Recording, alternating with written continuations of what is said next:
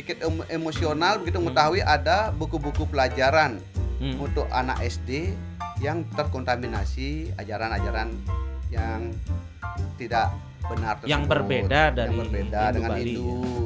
Tapi zaman sekarang kan kadang-kadang kalau kita salah ngomong bisa dituntut. Ya. Nah, UU ITE dan sebagainya.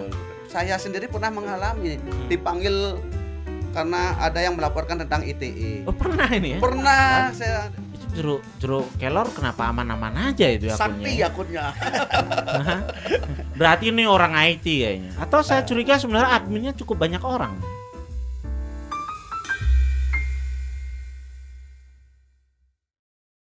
Kemudian saya perhatikan nih, berdua ini sebetulnya makanya saya lebih suka memperkenalkan beliau sebagai penggiat media sosial, ya kan? Jadi setiap isu kayaknya ya yang cukup sensitif di Ya. masyarakat, saya lihat eh, Pak Arif dan eh, Putu Dok ini pasti terlibat, ya kan? Terlibat entah itu soal ada kemanusiaan, ya kemudian eh, budaya ataupun eh, politik nih, ya kan?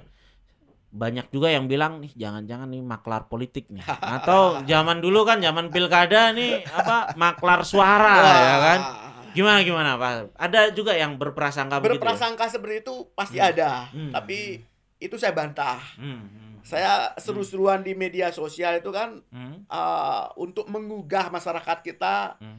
uh, peduli Hmm. seperti itu, uh, menggugah masyarakat kita paham hmm, tentang politik seperti itu Hmm. aja sih sebenarnya. hmm, hmm. Saya tidak berafiliasi dengan politik mana pun. Hmm. Saya netral. jadi bukan bukan anggota parpol mana pun ya mas Anggota parpol mana pun tidak, tapi saya simpatisan pendukung. ah Ya. jadi tergantung ya tergantung siapa yang bagus Siapa yang bagus, uh, kandidat mana yang bagus, Hmm. pasti kita dukung seperti itu. Hmm, tapi nggak masuk tim sukses ya Tidak masuk tim sukses.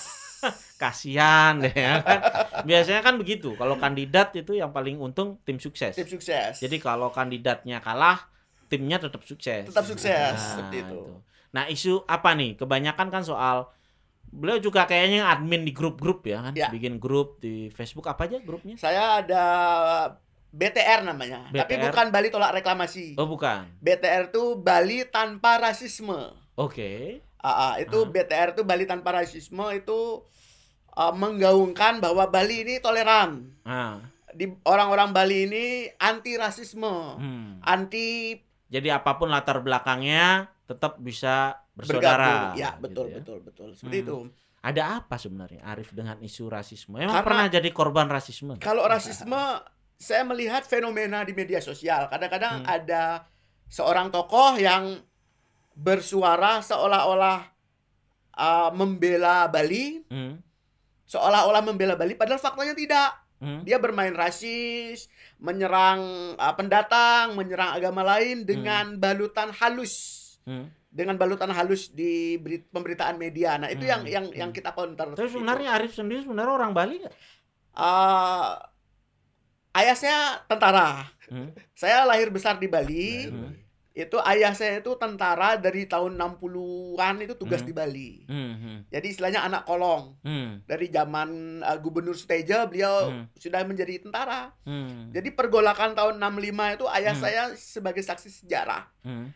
Seperti itu. Hmm. Jadi Kasus bisa digolongkan orang Bali ya, orang Bali walaupun misalnya tidak beragami Hindu Betul, ya, ya. bukan ada darah Bali dan Betul. sebagainya, tapi orang Bali. kan? Betul, orang Bali bukan bersuku besar. Bali. Nah, Hmm. orang Bali yang bukan bersuku Bali. Hmm. Saya cinta Hmm. Bali. Hmm. Hmm. Saya aware sama Bali karena Hmm. saya lahir besar Hmm. sekolah Hmm. di Bali seperti itu. Hmm. Hmm. Jadi wajib mencintai dan membela Bali seperti itu. Gitu ya. Jadi Bali yang kita kenal ya kan. Betul. Hmm, hmm, hmm, hmm. Jadi banyak juga orang mau membela Bali, padahal bukan suku Bali, ya kan? Ya. Nah itu yang jauh lebih baik, ya kan? Itu. Nah isu-isu apa nih yang hangat nih sekarang nih? Eh, Kalau Mas Arief nih lagi selain soal anom peduli, soal COVID, apa nih yang lagi isu, lagi isu, cukup mendapatkan apa namanya perhatian nih eh, buat Pak Arief? Kalau isu politik mungkin Hmm. eh, Politik tentang- belum kan, pilkada Ya, belum, kalau, uh, pilwali. Hmm. Pilwali mungkin tentang siapa yang akan menjadi calon. Nah, itu aja sih Hmm, kalau hmm, untuk politik. hmm, hmm. Kalau isu-isu lain mungkin kalau uh, isu Hari Krishna itu saya nggak Hmm. masuk karena saya maaf saya bukan berkeyakinan Hindu. Jadi Hmm, kalau hmm. saya masuk kan tentu ya aneh juga. Aneh ya, juga. Aneh juga. ya Hmm. bahaya itu kan. Tapi kepentingannya supaya Bali tetap aman. Bali tetap Ya kan, aman, gitu kan. budaya Bali tetap Hmm. ajak. Nah, Hmm, itu aja hmm, sebenarnya. hmm, hmm. Iya, iya, iya, iya. Nah, Pak Putudok nih. Terakhir-akhir ini kan oke, sekarang sudah new normal ya, kan, pertunjukan sudah mulailah ada dengan situasi yang baru lah, ya kan. Nggak mungkin konser ratusan orang, ya kan, dan sebagainya. Gimana Putudok melihat uh, perkembangan ini? Eh, terima kasih untuk Hmm. situasi new normal yang Hmm. kita lihat di komunitas. Kalau Hmm. di di dunia musik, Hmm. memang beberapa sahabat sudah bisa mulai pentas, Hmm. nyanyi, Hmm. walaupun di warung-warung kecil dulu, di Hmm. bar kecil, Hmm. eh, itu mereka terus terang tidak dibayar Hmm. oleh pemilik warung atau bar, paling dikasih makan. Jadi untuk untuk Hmm. penghasilnya di mana? Jadi kita Hmm. edarkan tipping box.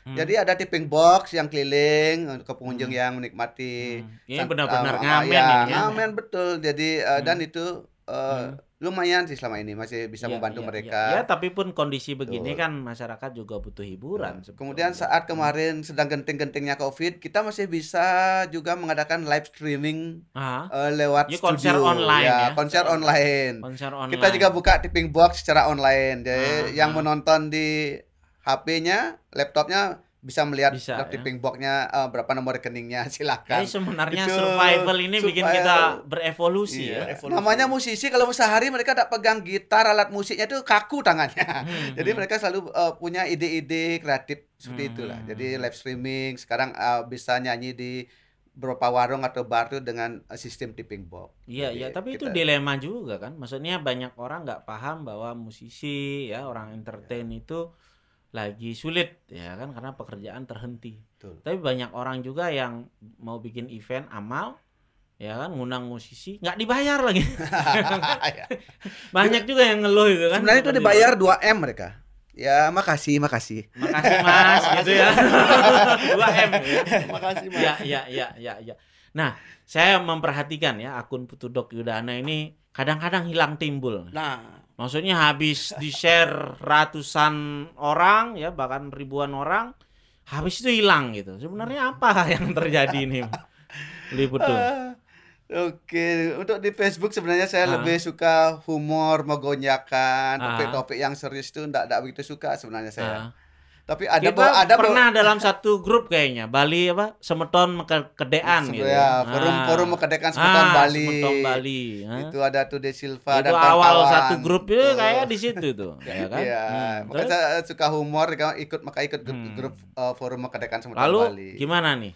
Kadang-kadang nyamber untuk satu Ya. isu ya kan? Kadang-kadang kita juga bicara isu-isu yang serius seperti kemarin Hmm. isu Hari Krishna karena Hmm. ada buku saya sedikit em- emosional begitu Hmm. mengetahui ada buku-buku pelajaran Hmm. untuk anak SD yang terkontaminasi ajaran-ajaran yang tidak benar tersebut. yang berbeda dari yang berbeda Hindu dengan Bali, ya. Hindu.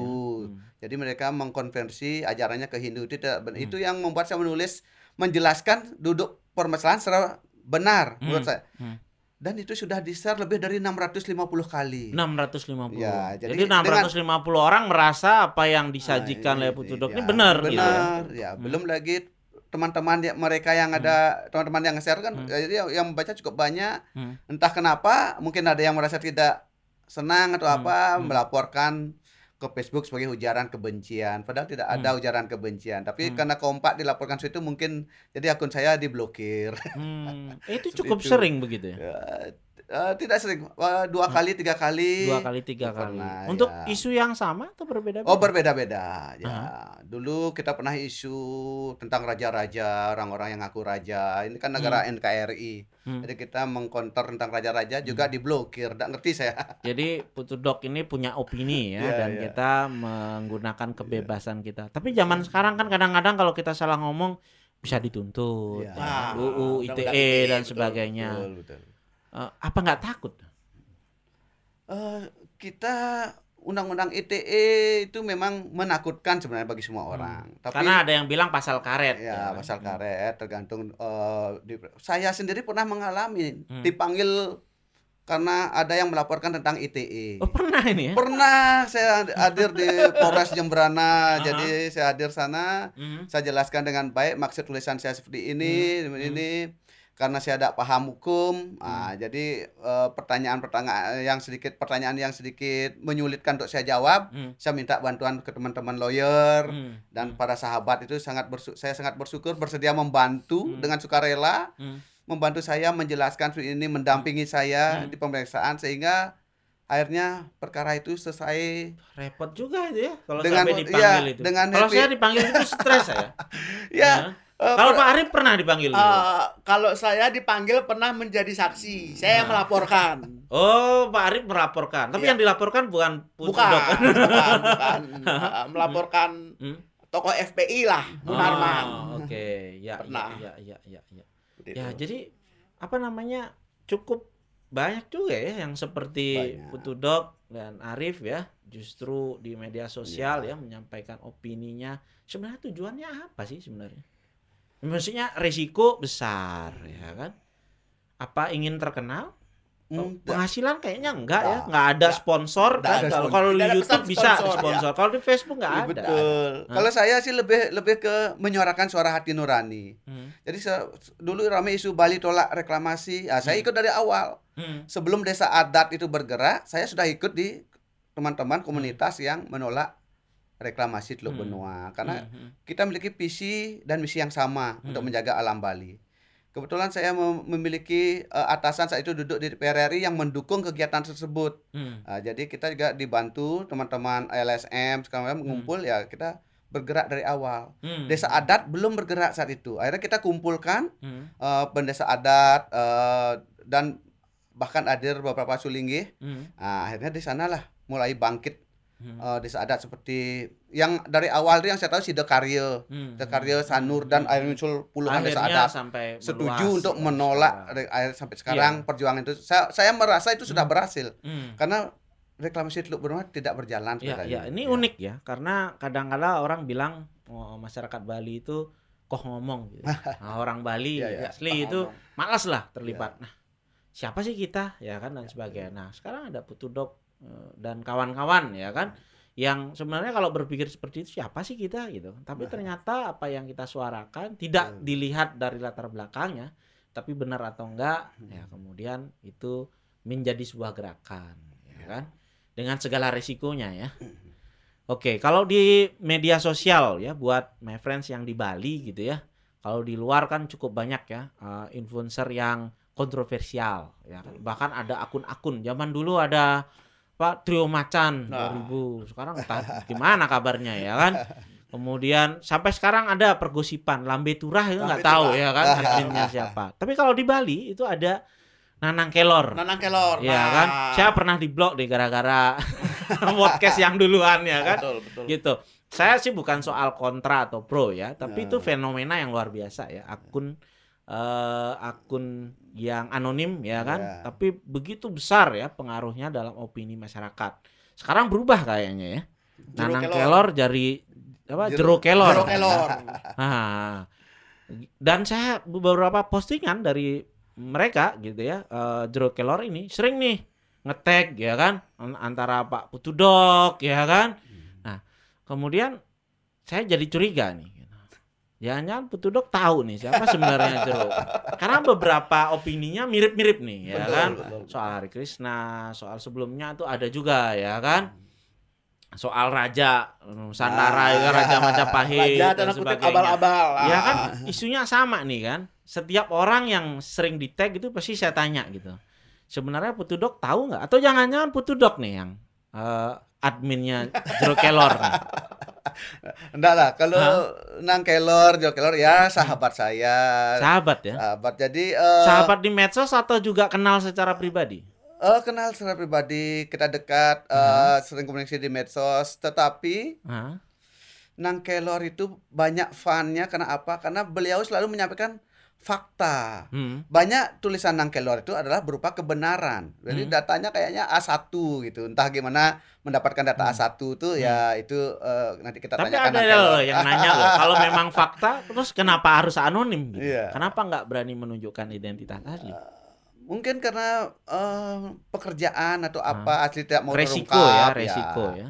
Jadi maunya anonim, tapi dia Hmm. menyampaikan tentang kebenaran. Jadi saya dan Nang Kelor visi misinya banyak yang sama. Hmm. Hati nurani kita tuh banyak yang sama Hmm. tentang perjuangan Hari Kresna, Bali tolak reklamasi, Hmm. tentang raja-raja palsu. Jadi kita itu kalau s- sudah kita punya misi yang sama, sama dengan Anom Peduli, saya dan Pak Arif misinya sama. Kita senang membantu orang, Hmm. walaupun kita itu senang butuh, butuh bantuan. Hmm, Bisa tapi saja di isu yang lain nanti nggak cocok. Iya, ya kan? Tapi betul. bukan berarti kita Berantem. berperang. Betul, betul, ya kan? betul. itulah demokrasi. Saya aja Pak Arif banyak eh, ada beberapa perbedaan. Hmm. Ya, Hmm. Saya hargai pendapatnya Pak Arif. Hmm. Eh, Pak Arif juga menghargai pendapat saya. Ada apa? Jadi Hmm. kalau satu eh, misi kita Hmm. bersama sama atau ayo kita jalankan. Kalau Hmm. berbeda ayo kita saling menghargai itu Hmm, aja. hmm, hmm. Ya.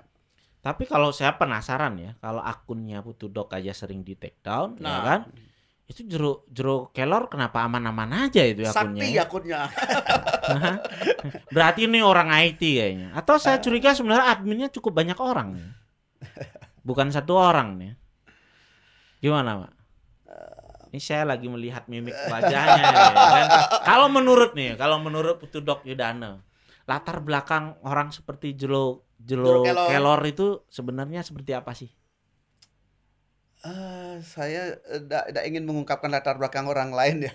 Tapi Ya kan Kalau- menurut kalau- kalau, secara umum ya kalau kan bukan pribadi ah, ya kan. kalau saya pengalaman saya Apakah mengapa orang yang penuh kebencian, apa yang lagi Nah. frustasi nggak ada kerjaan, apakah gimana? Enggak, kalau saya melihat Nang Kelor itu orang yang baik, dia Hmm. visi Berpendidikan kelihatannya. visi misinya untuk Bali itu sangat bagus. Hmm. eh, Hmm. menyuarakan hati suara hati nurani rakyat Hmm. sangat bagus. Hmm. Kalau akun saya di take down karena saya memiliki mungkin cukup banyak hater yang Hmm. kita bertentangan eh, dalam suatu masalah tentang satu topik ada yang sampai Hmm. membenci saya padahal saya fine fine aja saya ketawa aja saya tidak Hmm. pernah membalas kalau saya dilaporkan beramai-ramai saya tidak pernah membalas melaporkan orang lain dah Hmm, hmm. kita santai aja lah Ya, kalau orang punya itu. opini dibalas opini Ya, gitu ya, ya kelihatannya ya. kalau debat Ya, ayo ya. debat debat yang sehat di medsos Oke. Ah, ya. Nah, mungkin satu isu yang yang sensitif ya. Eh, artinya saya membuat acara ini saya percaya bahwa semua orang boleh menyuarakan opininya ya. Bukan berarti saya mendukung ya setiap opini yang dihadirkan di sini. Tapi banyak orang berpikir begini loh. Ngapain sih memasalahkan soal aliran Hari Krishna? Saya buka aja kan memang sudah jelas. Hari Krishna bahkan bubarkan Hari Krishna ya kan. Padahal sebenarnya kan orang bebas kan memeluk di Indonesia ini bebas memeluk keyakinannya ya kan kalau orang dibubarkan maksudnya nggak boleh memeluk Hari Krishna apa nggak melanggar HAM Nah, apakah eh, Putudok berpikir ke sana atau ada hal yang lain sebetulnya yang diinginkan Oh, tidak. Sebenarnya saya menghargai semua teman-teman yang ikut Hari Krishna sejak lama. Hmm. Kebetulan juga tokoh ISKON Hari Krishna Bali, sahabat saya sejak SMA. Jadi Hmm. kita saling menghargai. Hmm. Mereka saya lihat sering melakukan aktivitas di lapangan, Hmm. di pantai. Hmm. Saya hormati, saya Hmm. tidak pernah mencampuri. jadi Begi- mereka tapi- boleh ya mem- memeluk Ah, keyakinan itu wa- Hmm. eh, saya tidak mencampuri itu. Yang membuat saya tergerak Hmm. emosi adalah begitu mereka saya anggap melampaui, melampaui eh, apa namanya? Apa ya, melampaui seperti mereka mencemari buku agama Hindu Bali dengan ajaran Hari Krishna. Itu tapi sudah sudah mereka Hindu gak sih kalau eh, sebenarnya dari yang saya baca dari Hmm. pendiri Hari Krishna Srila Prabhupada sendiri berdiri eh, menyatakan itu pendiri Hari Krishna menyatakan bahwa Hari Krishna itu bukan Hindu. Mhm. Mereka bukan Hindu. Saya baca di eh, media di Hmm. luar negeri juga menyatakan mereka bukan Hindu. Hmm. Tapi mereka merekrut semua agama yang mau bergabung. Mereka ma- di Rusia juga ada Hari Krishna. Hmm. Jadi di sini entah mengapa mereka memanfaatkan Hindu itu. Hmm. Jadi kalau kalau maksudnya dipayungi Iya. gitu ya Makanya sebagai saya- bagian dari Hindu Saya tidak pernah menyuruh membubarkan Hari Krishna. Saya Hmm. minta Hari Krishna itu jadi bukan bubarkan bukan Hari Krishna ya? kelu- keluarlah dari pengayoman Hindu. Hmm. Silakan mereka mendaftarkan sendiri ajarannya, alirannya ke Kementerian Dalam Negeri atau ke, eh, ke, eh, ke pemerintah Indonesia ya. Hmm. Itu sebagai agama baru ataukah sebagai aliran. Hmm. Silakan. kita Jadi ceritanya karena iya. ini ada perbedaan, Perbedaan, kenapa harus iya, disatukan iya, gitu ya. Kalau saya lebih setuju Hare Krishna itu berdiri sendiri sila- Hmm. eh, di luar Hindu. Hmm, hmm, hmm. Nah Jangan ini itu. eh, saya cukup setuju ya kan, kalau melarang keyakinan orang kan tidak oke. ya. gitu. Tapi kalau memang ada perbedaan lebih baik atas nama sendiri-sendiri gitu ya. Karena saya yakin juga kalau itu dijalankan dengan benar kan orang baik juga, ya kan? Bukan tergantung apa namanya agamanya sebenarnya ya atau aliran kepercayaannya, tetapi tergantung orangnya ya kan. Kalau kita sama-sama baik aja kenapa ya kan? Tidak ini. Nah, itu biar orang nggak salah paham ini cukup sama atau berbeda nih sebenarnya pandangan ini dengan yang disampaikan Jero Kelor. Oh, banyak persamaan. Banyak persamaan ya. Ya. Hmm, Tapi artinya tidak melarang orang untuk Ya. memeluk suatu keyakinan ya kan? Tidak melarang. Tapi kalau memang Hmm. mereka bukan Hindu ya, ya jangan Hmm. di bawah pengayoman Hindu. Silahkan Hmm. bentuk Kalau misalnya saya Sendiri. juga nggak mau berkeyakinan boleh juga sebenarnya. Sah-sah aja kan. ya tapi kan di KTP harus ada agamanya. Iya, Wah. betul. Ini kita sensitif nih. ya. Kata orang kalau mau mengubah teman menjadi musuh, dua hal yang perlu dibicarakan. Coba bicarakan politik. Kalau belum jadi musuh, coba bicarakan agama katanya. Mudah-mudahan kita membicarakan dua hal tadi tetapi Ya. masih menjadi teman, ya kan? Betul, betul. Bisa menjadi kawan gitu. Tapi pertanyaannya masih belum terjawab ya. Siapa sebetulnya Jero Kelor ini gitu? Kalau Mas Arif gimana nih? Karena Ah, dekat kan. Ah, Jero saya no comment. Karena no uh, Jero Kelor itu sahabat, jadi saya no comment aja. Oh jadi sahabat juga sama ya, Arif. ya? ya, cukup kenal, cukup Oke. kenal. Ah, ah. Ah, saya mendukung apa yang uh, Ya kalau gitu eh, tolong disampaikan ya acara ini pun maksudnya menelusuri jejak Jero Kelor bukan untuk mengungkap siapa ya, kan, tetapi kita harus mencari sisi ya. Kadang-kadang kita fokus pada siapa sih ya kan, tetapi lupa apa yang dibicarakan ya kan.